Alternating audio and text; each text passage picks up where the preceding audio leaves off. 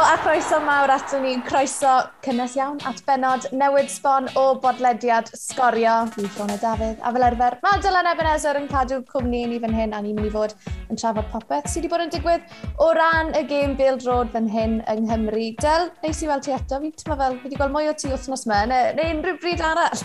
Mae wedi bod yn wythnos brysur, ie. Yeah. Ni wedi bod yn uh, neud pethau uh, paratoi ar gyfer yr hyn sydd i ddod wedyn ni dros yr wythnosau nesaf gobeithio. Newn ni'n datgelu gormod am hynny, ond ie, yeah, fi fach bod fi ma, ond i bron ddim ma, fi'n gofod llesgo'r ci o'r parc. Mae dyn ni labrador di sydd nawr yn frown achos oedd eisiau cael mudbath. Felly, na beth fi wedi bod yn gwneud yn yr uh, munudau diwetha. Bach yn stres. Fes mae'n siarad am Bill George, Ored. Na gyd fi'n fwy'n gwneud nawr.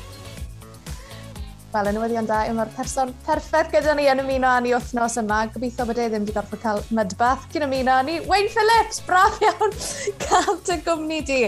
Croeso i'r pod sgorio. Dyma'r fi'n credu tro cyntaf ni wedi cael ti ar y pod. Ie, yeah, tro gynta, a croeso, a neis bod yma, ac wedi gael y gwadd gan, gan y ddau ohonoch chi, ac edrych ymlaen uh, i sgwrsio efo chi um, am y beth bynnag oriau nesaf. Ie, yeah, dim mudbath. Icebath, o ti'n fwy icebath, Swain? To be dol, dwi'n newydd fod yn ôl efo'r ci yn hun. Mae gen i labrador di hefyd ac dwi wrth y modd yn mynd allan efo fo. Ond dod o'm yn brown yn dod adra. Mae, mae o'n cysgu yn ei gwely wwan and then. Di, di, di maes bath o gwbl. Reidox bath o'n i'n gael ar ôl gem. Oh.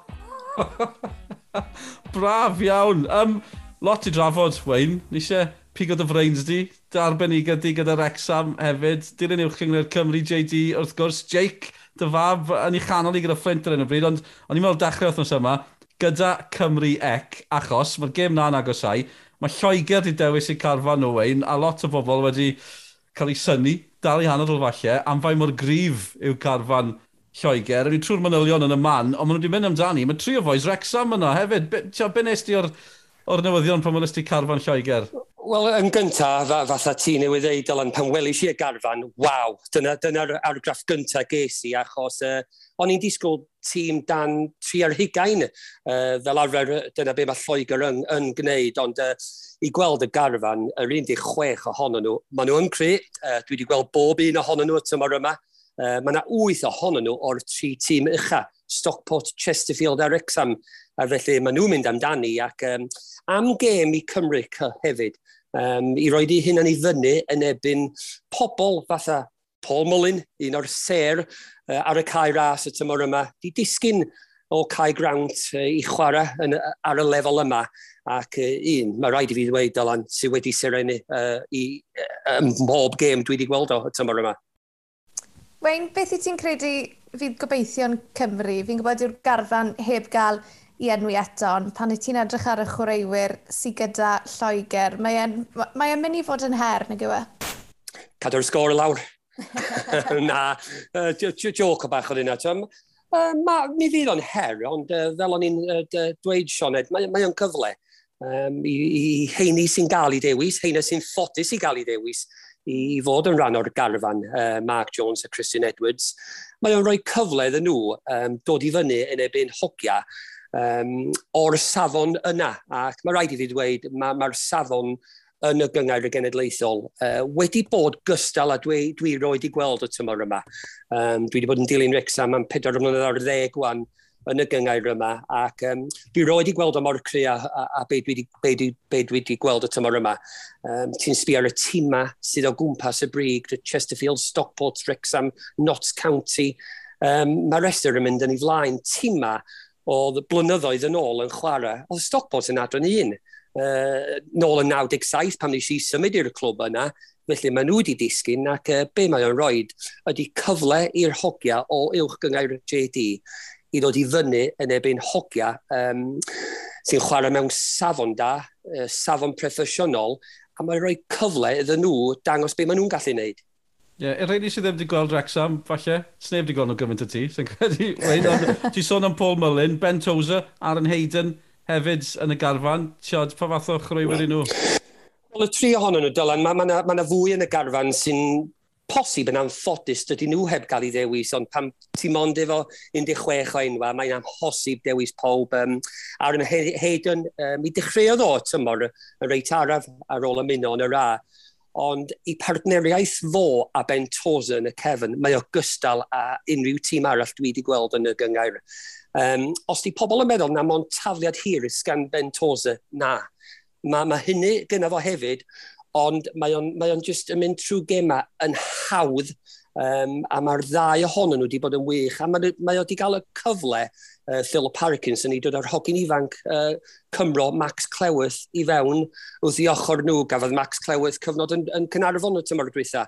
Um, felly mae o wedi mynd o chwarae yn y JD i chwarae yn wythnosol i Rexham, A dwi'n meddwl y ffaith bod, bod, bod ganddo fo Toza ac Hayden wrth i ochr o, a mae hynny wedi bod yn help mawr i'r hogyn ifanc, ond um, mae ma, ma Hayden efo chwe gol, dwi'n siŵr bod nhw 3 neu 4 wedi dod o tafliad hir y Bentosa, uh, fel ti'n gwybod yn iawn, Dylan, ti wedi gweld o'n gwneud o'i cas newydd at Cheltenham, Ac, Ond um, dwi'n chi taflu ddim mor bell a Jack. No well, Mae ma nhw'n go agos. Uh, mae ma Ben Toza nipyn fwy na Jake. Mae gen fo lot fwy o cryfder. A felly mae'n ma anhygoel i feddwl sut mae rwy'n mor fach a Jake yn gallu taflid y pêl mor hir, ond um, fi'n cofio sgwrsio fan dileg mewn gwesti rhyw fus yn ôl, ac oedd o'n sôn achos da ni'n so, gwybod sydd un oedd Andy Legg am taflid y pêl. Um, so, diolch moch am y seis, y teimyn ydy'r bob dim pan mae o'n gadael dy dwylo.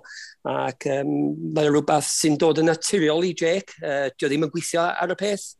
Ac um, mae o dda gweld bod, bod o wedi gweithio'n Rexham i Bentosa hefyd, ac um, So, y trydydd yn y garfan ydy Paul Mullin. Um, uh, mae o'n wych. Um, so, 16 o goliau y tymor yma. Mae wedi colli saith gêm. Dau cerdyn coch. Um, dau cerdyn coch gwirion mewn ffordd. Ac i, i, i Rexham colli fo am saith gêm, mae hwnna wedi bod yn um, sioc mawr iddyn nhw. Ond pa mae o yn chwarae, mae o just yn, yn wych o gwmpas y cwrs Cosby. Mae gen o fo rhywbeth gwahanol Rhywbeth dwi heb gweld ar y cair as es dyddiau Lee Trundle, um, o, o Lee Trundle yn, yn, yn, yn tebyg iawn iddo fo. Um, to, gwneud rhywbeth allan o ddim byd, a mae'n y gol yn dod allan ohono fo, felly um, mae'r tri ohonyn nhw yn heiddi bod yn y garfan ac um, y gobeithio ydy bod nhw'n dod trwy'r gêm yna achos mae gen Rexham gêm a pwysig o wan yn diwedd y tymor. Ewn ni mlaen i drafod Wrexham yn y man, Wayne, ond wrth gwrs i ti'n gwylio lot fawr o gemau uwch gyngrau Cymru hefyd yn ogystal â gemau Wrexham. Pwy ti'n credu sydd wedi syrenu ti tymor yma?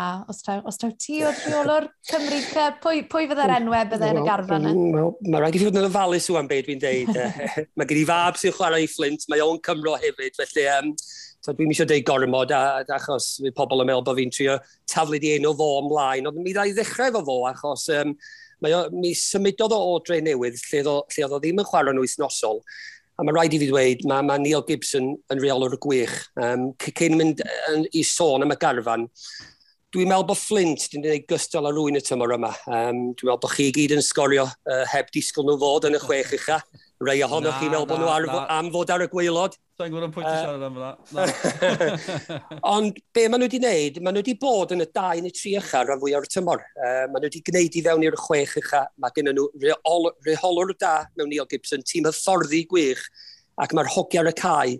Um, di gwneud o'n wythnosol. Dwi'n sôn am Flint, achos dwi wedi gweld nhw mwy na neb resymau personol, y mab yn chwarae iddyn nhw, ac um, dwi'n meddwl bod y, y dau neu tri Cymro yn y tîm iddyn nhw um, yn Flint, fydd nhw, dwi'n meddwl, uh, yn cadw y ffona symudol go agos wrth yma, uh, uh, uh, yn gobeithio bod nhw'n gael y galwad. Ond, uh, uh, a fel y ai, yn bob tîm, ys ni'n dweud Sioned a Dyl, um, dwi'n meddwl, bys yna cwn gan bob tîm uh, yn, yn, y chwech uchaf yn sicr efo hogia uh, Cymreig Um, mae yna nifer ohonyn nhw yn bob clwb. Uh, dwi, dwi wedi bod yn sbio dros y dyddiau diwethaf. Dwi'n teulu gweld fwy o, o hogau Cymreig yn y tîma yn y de uh, am ryw reswm. Ella bod ni'n agos i'r ffin yn fama dros Lloegr um, hogiau, hogiau o Lerpwl a mae'n ceinion yn dod i'r clybiau yma. Ond mae'n chydig bach yn wahanol yn y de. Ond um, e, swn i'n leicio dechrau meddwl am funud so ni'n gorfod dewis uh, garfan, so lle ti'n dechrau. Achos... Ti, um, sorry, dod dros, byddai gweld carfan Lloegr yn neud ti ailystyried carfan Cymru? Achos fi'n cael y teimlad o'n awyddus i ddewis, i roi cyfle i bobl eraill yn hytrach na Chris Venables ac Eiron Edwards a'r rhain. Ond ti wedi gweld carfan Lloegr, byddai ti'n mynd, rhaid, ni angen y boes profiadol mewn na? Wel, yn personol, Dylan, i fi, ddolsa garfan gael ei ddewis ar hoges sydd wedi sirenu dros yr wythnos a diwetha. Dim be maen nhw wedi wneud yn y dyfodol. So, ti newid sôn am Chris Venables, oedd o'n wych y tymor diwetha. 23-24 beth bynnag o goliau gafodd o. Dio heb dod i'r safon yna y tymor yma. Dio heb fod yn agos i'r safon yna. Dwi'n mynd deud bod ddylsa fod ddim fod yn y garfan. Ond um, to, i fi, um, hogia sydd... Fel Mylun, fod wedi bod yn cael cerdiau coch fel Mylun. Dyna fo, ia, ia. ia dwi, sy'n un un sy'n dewis hogia, sy'n heiddi bod yna am be maen nhw wedi wneud ar y cae yn y wsos fus, fusoedd diwetha. Uh, dim be maen nhw wedi wneud blwyddyn neu ddau yn ôl, a di hynna yn teg i fi. Um, Gys i'n dewis i garfan Cymru yn 1997. Gys i'n dewis achos be o'n i wedi wneud yn y fus neu ddau cynt yn chwarae i Rexham dim be o'n i wedi wneud uh, y blwyddyn i ddau cynt, uh, a, a, a dylsa fo fod fel hynny. Um, ond yn barn i di hynny dyl, illa bod pobl, pobl yn meddwl yn wahanol, um, ac fydd gen nhw dewis wahanol i beth sy'n gen i neu beth sy'n gen ti neu Sioned. Mae e hefyd, Wayne, yn blatfform arbennig i'r chwaraewyr yma, ar un o amlwg sy'n dod i'r meddwl yw Adam Rosgrow, gath e'r cyfle, gath e wario i, Gymru cyn, ni'n gwybod bod scouts ac ati yn, yn mynd i'r gêm, gath e'r cyfle i fynd i Wimbledon, ni'n gwybod Nath e ddim cweith gweithio mas y ffordd byddwn ni gyd wedi lico i gwele, ond twyd, yn sicr 90 munud yn erbyn, yn erbyn Lloegr. Gallu fe agor lot fawr o ddrysau i'r chwaraewyr yma.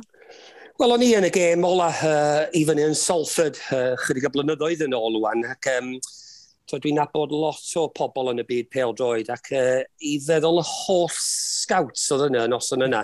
a maen nhw i gyd yn adael yn sbio am y, am y ser, ser, ser nesaf.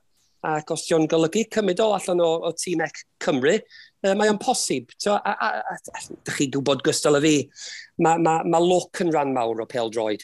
Uh, bod yn y lle iawn ar adeg iawn. Oce, okay, angen talent hefyd, mm. mae angen bod yn barod i gweithio'n caled hefyd, os gen ti gwaith caled, os gen ti talent, ac os ti'n lwcus bod yn y lle iawn ar y adeg iawn ac yn gael dy gêm gorau, mae gen ti siawns da.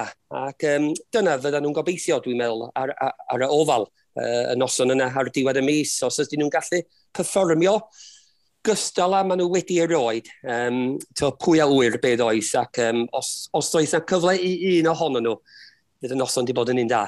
Ie, yeah, be mae chwaraewyr Lloegr yn mynd i feddwl o'r ofal Mae hynna ti gwestiwn. Yeah. Wel, um, dwi'n meddwl fydd o'n wahanol i be maen nhw'n gweld bob, bob yn ail wsos bron, Dylan. Is i, um, i lawr i Wealdstone pethefnos yn ôl, ac um, ges i sioc, achos o'n i'n teimlo oedd meisydd uh, JD, Ceia JD, yn well na, na be oedd Wheelstone, felly maen nhw wedi arfer dod i meisydd fel hyn. Mae'r ofal um, mae wedi gwella y, y cae ei hun um, ers o'n i'n chwarae yna, oedd hi'n llawn o fod, e, felly mae rhaid camol y gwaith maen nhw wedi wneud yna uh, dros y flynyddoedd diwetha, ac uh, ti'n wastad yn cael croeso mawr pam ti'n mynd i'r ofal. Um, mae o'n lle gwych i gwylio gêm, pa, pa mae'r cefnogwyr yn dod allan hefyd, ac um, o ran y maes i hun, dwi'n meddwl fydd o'n gwahanol i be mae'r hogiau mae'n gweld bob wythnos, ond uh, fydd hi'n diddorol gweld, um, dwi'n dwi meddwl, faint ohonyn nhw fydd yn fydd yna um, yn troi fyny, achos mae gen y clwbiau yma, gen, gen mae enfawr, fel o'n i'n deud. Um, so, mae o'n, mae on hwb mawr i gael dy dewis i, i, i, i, i, dy, i dy wlad. Um, mae rhaid iddyn nhw fod yn ples iawn bod nhw wedi cael ei ddewis, ond sgwni os fydd y clwbiau uh, yn deud rhywbeth, um, achos mae'r wyth ohonyn nhw yn y tri echa. Mae yna rhai eraill yn mynd am y gemau ail chwarae mae'n cyfnod pwysig o'r tymor. A peth ola, fyswn ni eisiau gweld o, o, o, o cefnogi Rexham, sef gweld Paul Mullin yn anafu neu Ben Tozen yn anafu, ond sy'n nhw'n gallu anafu yn, yn, ar y cae ymafer, pwy, pwy sy'n gwybod?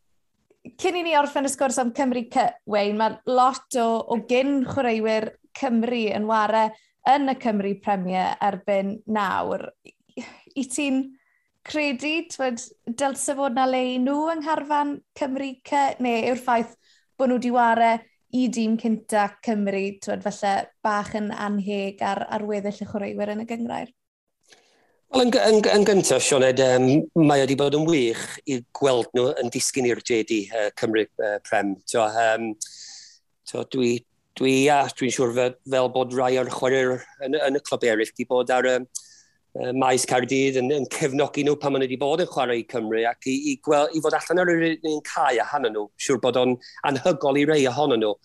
Ond yn ôl at ymhwynt gyna, dwi'n dwi dal i feddwl, os dyn nhw'n chwarae ddigon da, ac os dyn nhw'n heiddi fod yn y garfan, uh, dwi heb gweld digon o David Edwards na Just Richards y tymor yma i gallu deud, deud, deud yr atab wrth, i ti am hynny. Ond os dyn nhw'n chwarae digon da, chwarae'n wythnosol yn dda iawn, i fi, sy'n ni'n meddwl bod nhw'n heiddi lle yn y garafan, fel bysa rwy'n arall, ond um, to, diolch moch bod nhw wedi cael cap llawn. Yma ma nhw yn, yn, yn y JD, uh, tîm a garfan JD uh, ydy'r uh, tîm, uh, tîm Cymru. Ac um, os ydy Mark Jones a Christian yn meddwl uh, bod nhw wedi bod yn, yn chwarae'n ddigon da ac yn heiddi lle, um, yna ddylsyn nhw fod, achos mae angen ychydig bach y brofiad hefyd. Mae o'n neis gweld y cyfle, cyfleon yn dod i'r hogei ifanc. Um, nes i tyfu fyny yn garfan yn Rixam, uh, hogei ifanc yn dod trwy'r system, ond o gennym ni hogia profiadol hefyd, ac oedd hynny'n help mawr i ddod yn ni trwy y cyfnod anodd gafon ni. A dyna be fydd angen i'r garfan yma. I'r hogei ifanc, mae angen pobl o brofiad, the Venables, the, the, the David Edwards, o'i gwmpas nhw, Um, maen nhw wedi bod yna, maen nhw wedi gwneud hi, maen nhw maen nhw'n gwisgo'r Cris T. Uh, maen nhw'n help mowr i pob arall, ond uh, gan i weld bod oes efo nhw. Beth am drafod Rexham felly? Wei, ti'n gwybod bod yn dal yn anodd i fi? 30 mlynedd yn gas mewn gwaith i'r cairad. Fi dal yn stryglo i drafod Rexham. Mae dal yn brifo, Wei. O'n i'n mynd disgwyl mynd trwy'r sgwrs yma heb i chi sôn am hwnna, uh, dal, achos... Um, Os ys ti heb dyl, ys ni wedi dod efo i fyny, anyway, ond na, mae'n anodd, anodd coelio lle mae'r blynyddoedd yma di mynd. Yeah. Uh, to, ac, a, a, sôn am y gêm, fel, fel oedd hi'n wythnos yn ôl neu, neu blwyddyn yn ôl.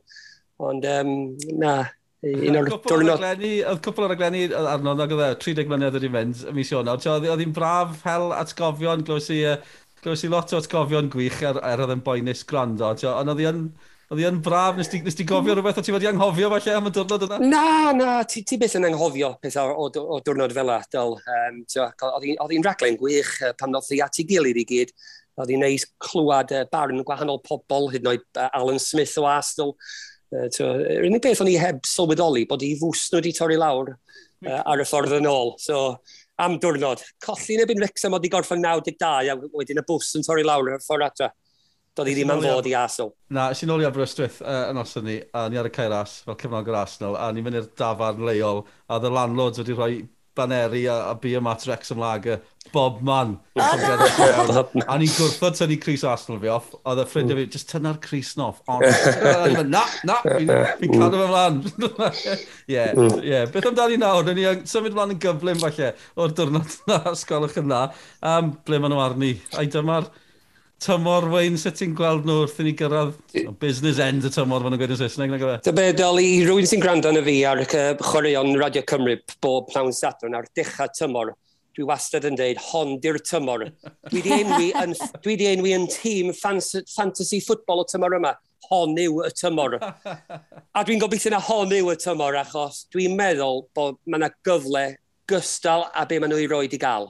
Um, mae rai camol, uh, y ddau gŵr enwog, Rob McElhenny a Ryan Reynolds, uh, be maen nhw wedi gwneud, dim jyst i'r tîm, ond i'r dre, i Cymru hun, Uh, I feddwl bod nhw'n gael dros 8-9 mil bob wythnos, mae o'n anhygoel. Mae o'n lle wych i ddod. Os gei di gyfle cyn diwedd y tymor uh, i ddod i'r cair ras ar pnawn di sadwn, os ni'n to, y ddau ohonoch chi i ddod yna, achos um, mae o wedi bod yn dda iawn.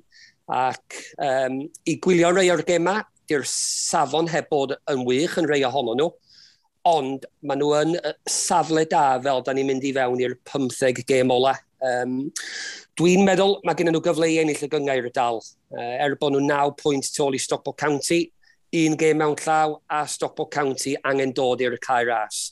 Uh, di ennill i bedair y gêm ola sydd wedi rhoi nhw mewn safle da. Um, Ond mae yna tîm a da i gwmpas nhw hefyd. Uh, dyna faint mor, mor, mor anodd mae am fod. Uh, o'n i wedi deud rhywbeth rhyw 3-4 mis yn ôl. Um, efo bob dim sy'n mynd yn ei flaen, y documentary yma mae'r ma, ma, ma, um, ddau gŵr yma'n gwneud, Ys fe'n wych os ydyn nhw'n mynd trwy'r gymau ail gyfle, mynd i Wembley ac ennill yn Wembley am stori ys y hynny. Ond dwi'n siŵr os ys yr nyrfa'n gallu gwneud hynny eto. Um, dwi wedi bod yna unwaith a gweld nhw'n colli yn amffodus i cas newydd. dda gweld cas newydd yn mynd ymlaen i gwneud yn dda iawn. Ond um, y lle gorau i ennill gêm pel, pel droed, ond y lle gweitha i colli hefyd. Felly, sydd da gyda fi, sydd nhw'n gallu mynd ymlaen i ennill y gyngair.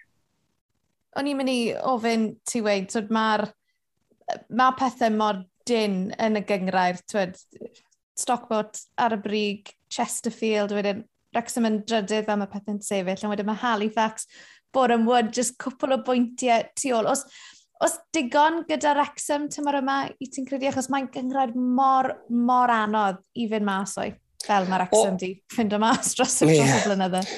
A mae o'n anodd, uh, Sean, a uh, newydd newid enwi 4 neu 5 o'r clybiau um, sydd o mis Grixam uh, yn dal yn meddwl maen nhw'n gallu ennill y gyngair. Ac um, to, Mae gan Wrexham digon uh, yn y marn hi. Um, so, dwi wedi gweld digon o gema, dwi wedi gweld bob, bob tîm arall. Uh, dwi'n meddwl bod yr un ar ddeg a'r eilyddion sgan nhw yn well na'r tîm eraill.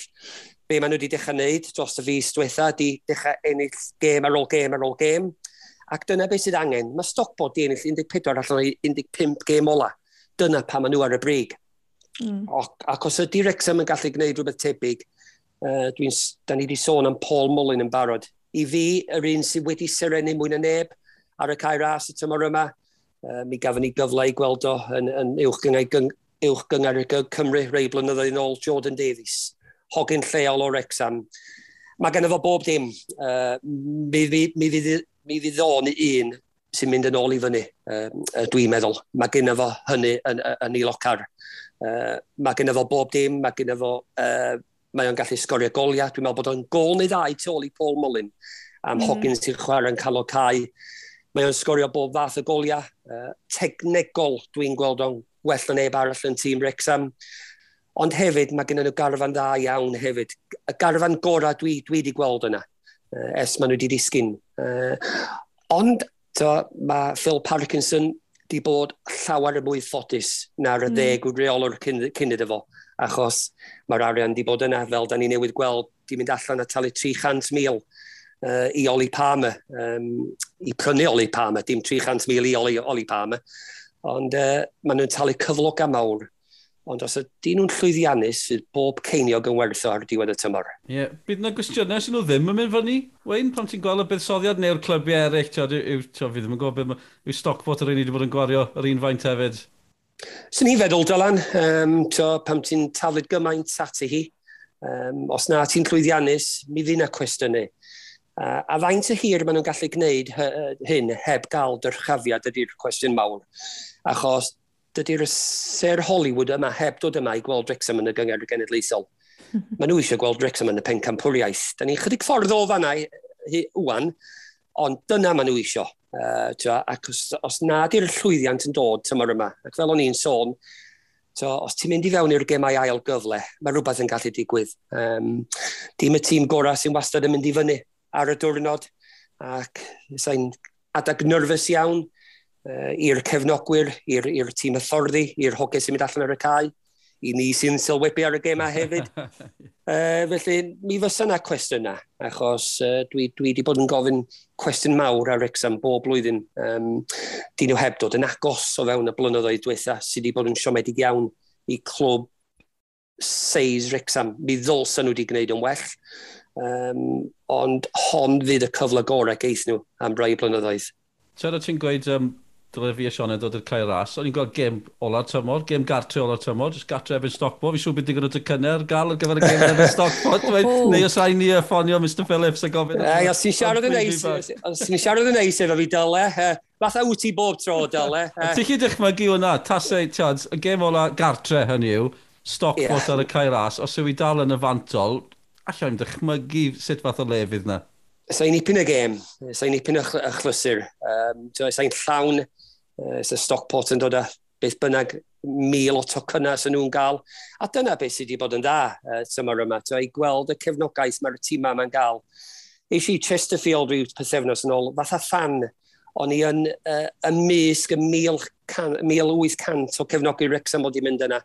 Oedd hi'n rhywbeth wahanol i fi, achos dwi wedi arfer bod allan ar y cae, uh, y cefnogwyr yn cefnogi fi, neu yn y pwynt sylwebu ac i fod yna ymysg uh, y canol ohono nhw. Uh, oedd hi'n bleser fod yna yn noson yna. Oedd hi'n help ond wedi ennill y gêm hefyd. Dwi'n mynd siŵr y faint mor hapus bys nhw wedi bod. Uh, ti'n gwybod fatha fi, di, di cefnogwyr ddim pel droi, ddim mor hapus o hynny pan mae tîm nhw'n colli. Ond uh, oedd hi'n siŵr yna neis all adra yn noson yna. Uh, y ffaith bod nhw wedi ennill o ddwy gol i ddim. Wel, i ni'n um, gwybod bod Rob McElhenny yn dysgu Cymraeg. So, Wayne, os y ti'n cwrdd â fe, gweithio fe i ryndo'r pod sgorio. Felly ni helpu fe ddysgu. Ie, yeah, pam neu mi. Yeah. Mae o'n neud i orach. Mae o'n wych i weld hefyd yn dioddau. Be mae'r ddau o'n nhw wedi wneud. Um, to ni yn y gêm gynta yn Maidenhead pam wnaeth nhw hedfan i fewn ac oedden ni'n eistedd rhyw 50 llath o lle ni'n sylwebu ac uh, oedd hi'n just yn anhygoel, o'n i'n methu coelio be o'n i'n weld. a wedyn to, Ryan Reynolds just troi fyny ar y cae ras, pethefnos yn ôl, just hedfan i fewn am y pnawn ac hedfan yn ôl. To, as you do. As you do, as you do, ia, ia, ia. Ond uh, be mae o wedi gwneud i'r dre yma, mae, mae o just, to, o'n i'n sôn am y ci, y labradodi, dwi'n mynd allan bob diwrnod, ac uh, dwi'n methu mynd am walk heb sgwrsio am Rex am y dyddiau yma. Uh, Dwi'n dwi, trio mynd am walk sydyn, dio beth am walk sydyn.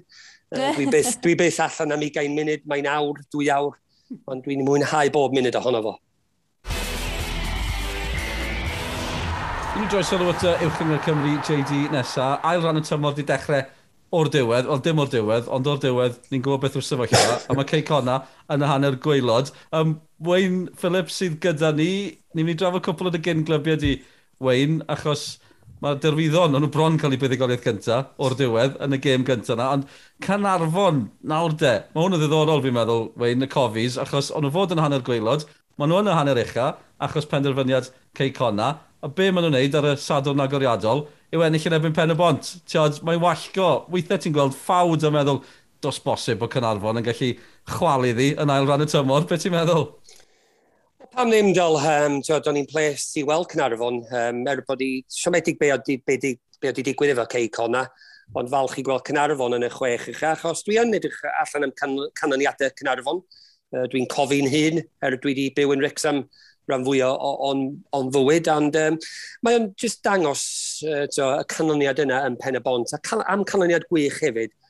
Ond um, dwi'n meddwl, ar wahân i'r seintiau newydd, mae'r pimp tîm arall um, fydd bob un ohonyn nhw yn meddwl bod gen nhw gyfle um, am yr ail safle, ail atrydydd safle. Ac dyna beth sy'n dda i weld. Uh, da ni wedi arfer gweld y Saint Newydd, Bala, Ceicona, Saint Newydd, Bala, Ceicona.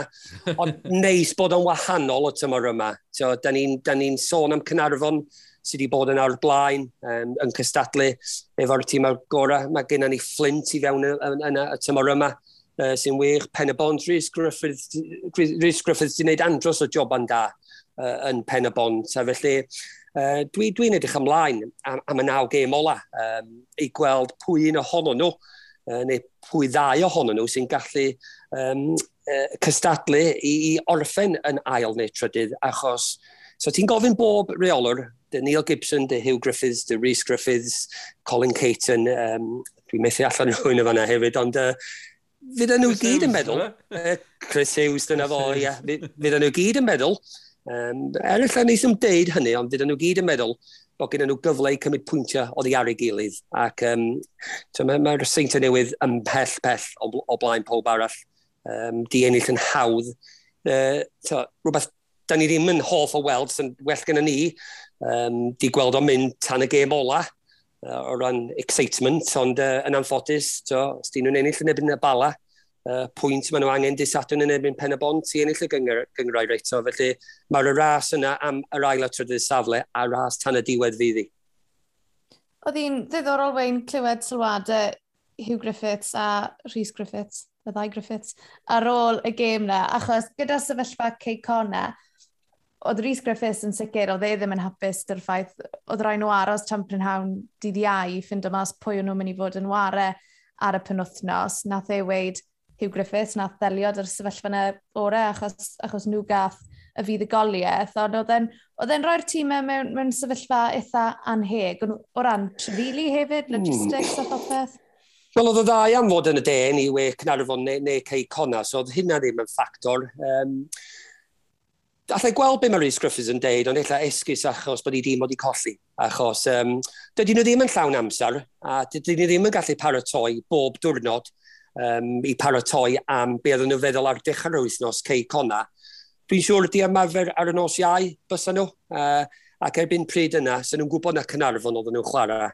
Felly, o gyda nhw um, sesiwn ymarfer i paratoi am y gêm, um, a mae Rhys Griffiths, uh, mae Hugh Griffiths jyst i di am ot pwy sydd o'i flaen o. Maen nhw jyst di mynd a chwarae'r gêm ac uh, ffodus i hiw, maen nhw di ennill y gêm. Felly, um, dwi'n dwi, gweld yr ochr y ddwy ohonyn nhw. Mae'n ma hawdd deud, uh, to, doedd hi ddim yn hawdd i pen y bont achos doedd ddim yn gwybod tan y dim eich ar y dydd iau, ond uh, sgwn i os Rhys Griffiths wedi dweud rhywbeth gwahanol sy'n nhw wedi ennill y gêm yna. Dewch i ni glywed be wedodd yn union. Gwni glywed y ddau o'n nhw fan hyn y ddau Griffiths, fel y Sioned, yn gweud un Hugh yn hapus, y llall Rhys. Gewch chi glywed fan hyn, dim yn hapus o gwbl. Ie, wel, ni, ti'n ymarfer ar y um, nos fercher, so o'n i methu paratoi y, y gêm yn iawn, so falle rhaid ni'n neud o'n e bob tro. Um, na, di mynd trwy ar y tactics board a, a be ni'n neud, ti'n ni'n gwybod be, be mae pawb yn neud, dwi'n jyst yn gwybod pa trons mae'r chwarae yn gwisgo, ond um, ie, dyn ni wedi chwarae nhw'r tai gwaith, um, a tro, tro cyntaf ni cyrra'n o blwyddyn yma, so oedd hwnna'n bwysig heddiw. It was uh, an awful week. Um, I don't know how the FAW can justify us not knowing who we're playing at gone lunchtime on a Thursday. You, you know, we're aspiring as a league to improve all the time. Imagine Liverpool didn't know who they were playing come Thursday afternoon. So, look, Hugh Griffiths today has prepared his team better under those circumstances, perhaps. But all I would say is that I shouldn't have to worry about unique circumstances to prepare my team for the first game in the second half of the split. Um, it should have been dealt with a long, long time ago, and obviously I'm, it's left a bitter taste. Wel, dyna'r ddau reolwr fel o'n i'n gweud, ie, yeah, Rhys Griffiths ddim yn ddyn hapus, yn amlwg, dim y paratoadau perffaith, achos o'n nhw ddim yn gwybod pwy nhw'n chwarae yn erbyn, ond fi'n credu bod y, y golled na tair i ddim. Gartre yn erbyn Cynarfon, mae'n angyniad ffantastig i Gynarfon. A, a le mae Mike Hayes wedi bod? Yn sydyn, mae fe wedi dechrau o i cywir i Gynarfon. Os o'n i edrych ar y hanner gweilod Wayne, George, o'n i'n meddwl, mae canlyniad Cynarfon di just chwalu pethau yn y chwecha, achos mae'n mwy agos nag erioed o'r blaen nawr, a mae holl ffordd wedyn ni yn ennill yn y bari, di wneud rhywbeth tebyg lawr yn yr, yn y hanner gwylod. Tio, mae Cyn Connell lawr nawr, achos mae'n wedi colli pwyntiau, ond pan chi'n gweld holl ffordd yn ennill yn y bari, beth sy'n mynd i ddigwydd yn hanner gwylod rhwng nawr a diwedd y tymor? Ie, yeah, so os yna un tîm di syni fi y tymor yma, bari di'r tîm yna, achos uh, yn gyntaf i gweld nhw yn y chwech isa, Uh, maen nhw wedi bod reit siomedig um, dros y tymor. Uh, Dydy nhw heb dod yn agos i'r safona da ni wedi gweld dros y blynyddoedd diwetha. Uh, dwi'n siŵr bod o'n poeni Gavin Chesterfield chydig bach, achos dwi'n dwi, wastad yn, yn hap, hapus i gwrando ar y sylwadau uh, Gavin Chesterfield. Mae o'n wastad yn, yn dyn onest ar ôl gêm. Mm. Uh, mae o'n wastad yn rhoi clod i'r gwrthwynebwyr pan maen nhw'n ennill yn ebyn i dîm o. Ac um, dwi'n siŵr bod yna gwaith calad yn mynd yn ymlaen yn y cefndir y fanna, uh, dylan, achos maen nhw'n gwybod bod yna naw gêm anodd uh, iawn iddyn nhw. Achos uh, doedd ddim yn canlyniad o'n i'n disgwyl iddyn nhw uh, penwythnos ola. Ac uh, maen nhw'n berig iawn o'r gwylodion, ond uh, dim dyna lle maen nhw eisiau bod. Uh, ond yn amffodus, yna maen nhw. Ac uh, mae rhaid i nhw'n gwneud lot, lot well os ydyn nhw am codi'r safona da ni wedi gweld dros y blynyddoedd. blynyddoedd. Maen nhw wedi bod yn um, ildio tipyn hefyd. Tia, dim ond y dirwyddon sydd wedi ildio mwy na nhw lawr yn yr uh, hanner gwylod na. Fi'n gweld Cynarfon yn, yn gyfartal hefyd, ond dyn nhw ddim... Tia, mae hwnna'n rhywbeth newydd hefyd. Be sy'n digwydd i dîm, Wayne, le mae'r tîm nhw wedi bod mor gyson, yr un chwaraewyr, yr un galfan, mae wedi am, newid ambell i chwaraewr fan hyn fan draw, ond dim gymaint o hynny. A'r un rheolwr, Gavin Chesterfield hefyd, tia, os na bwynt yn dod le falle bod y chwaraewyr neu'r rheolwr wedi bod ar ei hir? bosib iawn. Um, mae ma hynna yn ffactor dylan lle maen nhw wedi bod efo'i gilydd um, rei hir mewn ffordd. Uh, ydy'r um, desire yna i, i fynd ymlaen i, i, i gwneud gystal o beth maen nhw wedi roi, dwi'n siŵr. Um, Gavin sy'n nabod i chwarae'r fo yn well na fi. Um, ac mae angen uh, to, cryfau garfan blwyddyn ar ôl blwyddyn, da ni wedi gweld yn y dre newydd y blwyddyn yma, uh, be maen nhw wedi gwneud, di adeiladu i'r garfan oedd, oedd gan nhw a maen nhw wedi mynd y ffordd arall. Uh, fath mae'r Flint hefyd, i feddwl lle oedd Flint flwyddyn dweitha, maen nhw wedi adeiladu, um, wedi dod y cryfder i fewn i'r garfan, maen nhw wedi mynd y ffordd yna hefyd. Ond os na ti'n um, adeiladu i beth sgyn ti a dod y well i fewn, sydyn iawn ti'n gallu mynd y ffordd arall, a dyna beth da ni wedi gweld efo'r bari dros y blwyddyn yma. Wei, mae rhaid ni ofyn am drwyddo'n Kevin, achos maen nhw dal, dal yn edrych oh, am y fuddugoliaeth gyntaf yna Ond pob wythnos, i fi, fi fi wir jyst yn tymlo'n sori dros nhw. Ond nhw mor, mor agos pen wythnos diwetha. Ond nhw ar y blaen o dair gol un yn erbyn Aberystwyth. Oedd pum munud i fynd, llain y pum munud i fynd. O'n i, o'n i yn game y Flint, o'n i ar yn ffôn, a ni fel, oh my gosh, maen nhw'n mynd i, maen nhw'n mynd ennill game, a'n sydyn reit. Mae'r game yn gorffen yn dair gol yr un. Just, yeah, so, be ti'n neud o'r sefyllfa? O'n nhw'n anlwcus i byd o ennill yn erbyn Aber? Wel, o'n i fatha ti hefyd yn gweld y canlyniadau yn dod trwy ar gwylio gen Flint ar y tyledu ac yn i'n meddwl tair i un, pum munud i fynd. Wel, os na dyn nhw'n ennill llwan, dyn nhw beth am ennill. a wedyn ath i tair i ddwy, a wedyn uh, gêm gyfartal ac uh, mi ddod nhw'n siomedig, uh, jo, achos mi ddylsa nhw wedi cael y gêm allan.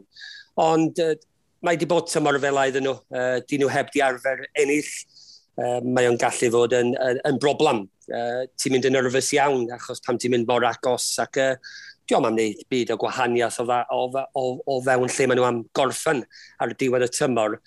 Ond ysau wedi bod yn neis i'r hogia achos mae gennym nhw lot o hogia ifanc yn y garfan. Andy Turner um, yn trio newid pethau. Um, oedd ti di, uh, o'n i wedi clywed i cyfweliad o ar ôl y gêm. Uh, ac oedd o'n deud be, be o'n i'n meddwl, to, mae rhaid i nhw dysgu pan, mynd, pan maen nhw'n mynd ar y blaen, uh, sut i cael gêm allan a gweld y mm. 90 o funud allan achos oedd y goliau nath nhw ildio yn rei wael. Ond uh, dyna beth sy'n digwydd pam ti lawr y gwylodion um, ac uh, mi geith nhw'n gyfle gwell mewn ffordd yn, yn y gêm sydd ar ôl, uh, i be gafon nhw yn ebyn Aberystwyth. A, a, a, so di bod yn canlyniad gwych achos um, y dwy neu dair y gwaith dwi wedi gweld Aberystwyth tymor yma, dwi, dwi wedi bod gael yn plesio gyda nhw. O, jyst cyn i ni drafod bach mwy am y dyrwyddon yn gyffredinol, dewch i ni glywed gan y rheolwr. Oedd e siwr fod yn meddwl bod yn mynd i ennill, uh, dyma Andy Turner. Do you know what? We lost to these 5-0 two weeks ago, three weeks ago. And what a performance against them. We took the game to them, we played, we, we matched them. We, I'm not saying we were, we were brilliant, but I was really proud of my players tonight to get something out of that game. And to go 3-1 up, yes, I was I was praying a little bit, but, but um, it's football and we've got to learn from it and um, we'll be better for that next time because uh, as I said we haven't been there very many times this season because we're normally 3-1 down and we're tracing games but we've got to be a lot more professional we've got a bit of game management lads are gutted in there when we get a point but we've got to be we've got to do better in the last phase of the game and just clear your lines just clear your lines it's simple Y cwestiwn i ddim di holi o ran uwchyngoedd Cymru JD yw Cey Conna mynd i aros i fyny? Wyn, beth sy'n mynd i ddigwydd? Hmm. Gos bosib! Wel, mae ma, ma pawb yn meddwl, uh, gynnu nhw, gynnu nhw, gynnu nhw ddigon um, i, i aros i fyny, ond um, dio ddim yn fod yn hawdd. Um, Mae'r ma tîma uh, yn y gwylodion yn, yn, yn cwffio am y seithfed safle. Ac um, tio, fydd hi'n a hawdd ym mhob gem o'n i Craig Harrison a'i dîm o. Uh, ac sy'n ni'n meddwl um, efo'r holl brofiad sgynnon nhw yn ei dîm, Uh, ti'n sbio trwy tîm KK Connor, dy John Disney's, dy George Horans, dy Callum... Uh, ti'n gallu mynd trwy'r tîm i gyd. So, mae'n ddigon o brofiad yna, a mi ddolsa nhw efo digon, ond diddorol gweld y canlyniadau nhw dros y, y 2-3 gêm nesaf. Ac os, os na di nhw'n ennill y gema yna, wel, fydd nhw'n mynd i fewn i'r 5 gêm ola yn poeni chydig bach uh, lle maen nhw am gorffen. A, a just cyn i ni fforwelio gyda Wayne, ni'n edrych ar y pyramid bob wythnos, Wayne, just lawr yn y de, just i roi'r diweddarau i chi, Yn enillodd Pont y Pryd am y tro cyntaf yn 5 gêm, maen nhw wedi bod yn colli ffordd, Llantwyd fardre sydd ar y brig, ond fi'n credu mai pwy sy'n cael trwydded sy'n mynd i benderfynu pwy sy'n esgyn yn y de. Mae'n rhaid i nodi bod Portalbot wedi disgyn yn barod, ni sôn bod y Seinti'n gallu ennill y gyngrair y mis mawrth, mae Portalbot wedi disgyn y mis mawrth, mae'n uh, rhyfedd gweld y hen glybiau mawr yma yn disgyn, ond yn y gogledd, Wayne, mae'n ddiddorol, ebys ar y brig, Llandudno yn ail, a ddau'n ennill bron bob wythnos ar hyn o bryd. Tiod, mae'n uh, diddorol gweld yr, yr hen enwau yma, dyn nhw mor hen a hynny, tiod, ond yr usual suspects yw i o ran falle pwy sy'n gallu esgyn tymor yma. Ia, yeah, dyna fi di wan tan y diwedd, dwi'n meddwl, uh, Erdli, Sean Erdli yn, yn, yn Llandudno a Steve O'Shaughnessy, dau gŵr, da ni'n nabod yn dda iawn, a dau gŵr, dwi'n meddwl, sy'n ni'n hoff o gweld yn, yn yr uwch yng Nghyr y JD unwaith eto. Uh, Oedd hi'n canlyniad gwych i i Ebus yn, yn Bai Colwyn. Uh, Steve Evans di mynd i Bai Colwyn ac um, dwi'n siŵr ysaf o reit siomedig bod wedi colli y gêm yna yn ebyn Ebus dros y penwythnos, ond uh, uh, honnodd canlyniad y uh, penwythnos i fi ac uh, yn debygol debygol o gweld Ebus yn mynd ymlaen i ennill y gyngair. No, maen nhw'n cwrdd ei gilydd ar efryll y cyntaf, ffwl efryll, edrych fan y fawr yna. Wei, diolch y galon, nes i fynd o Gymru i Cymru Ec, i Rexham, uwch gyngrau'r Cymru Cymru Reis. ni chi trafod popeth, hyd yn oed Labradors. Wein ti'n edrych am amser di. Diolch Dylan, diolch Sionaid. Wel, dyna ni am wythnos arall. Diolch o galon am eich cwmni. Diolch am rando. A fel arfer, fe fydd podlediad sgorio yn ôl wythnos nesaf. So, i cweit yn siŵr be ni'n mynd i fod yn trafod, achos gall lot newid rhwng nawr ac wythnos nesaf, ond un peth sy'n sicr, trafod pil drod byddwn ni'n neud yr. A falle byddwn ni'n dathlu llwyddiant y seintiau newydd. Mae'r bencampwriaeth o fewn i cyrraedd nhw y mis mawrth. Pwy fydda ni'n proffoido hynny? Bydde Sioned wedi proffoido hynny, a nes i di ystyried cyfan. Byddwn ni'n ôl wythnos nesaf, waran i chi adeg ni.